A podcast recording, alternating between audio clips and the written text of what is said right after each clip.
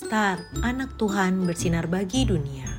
Renungan tanggal 17 Mei untuk anak balita sampai kelas 1 SD. Diambil dari Markus 16 ayat 20. Mereka pun pergilah memberitakan Injil ke segala penjuru. Dan Tuhan turut bekerja dan meneguhkan firman itu dengan tanda-tanda menyertainya. Markus 16 ayat 20 Tuhan terangkat ke surga.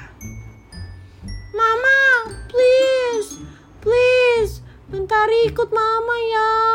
Mentari maunya sama mama. Please, boleh ya?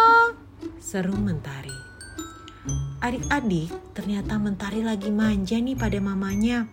Mentari ingin ikut mama terus, padahal mama mau ke rumah sakit untuk vaksinasi COVID.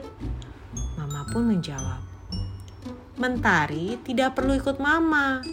Nanti kamu malah bosen nungguin mama di rumah sakit. Lebih baik kamu di rumah bersama Mbak Ani dan kakak-kakak.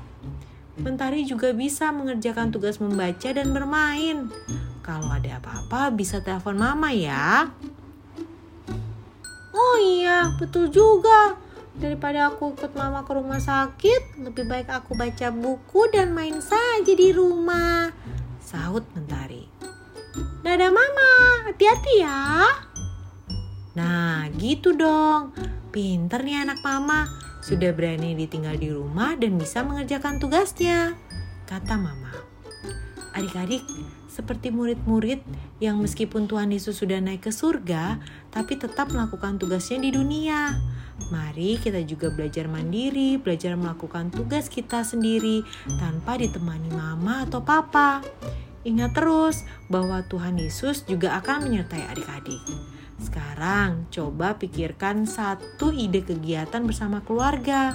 Misalnya membaca buku cerita, membuat perahu kertas, bermain boneka, dan lain sebagainya. Ceritakan ke mama atau ke papa lalu rencanakan untuk melakukan ide kegiatan itu pada hari libur atau di akhir pekan. Selamat bersenang-senang ya. Mari kita berdoa.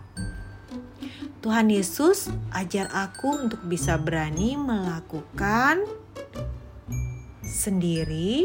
Terima kasih, Tuhan. Amin.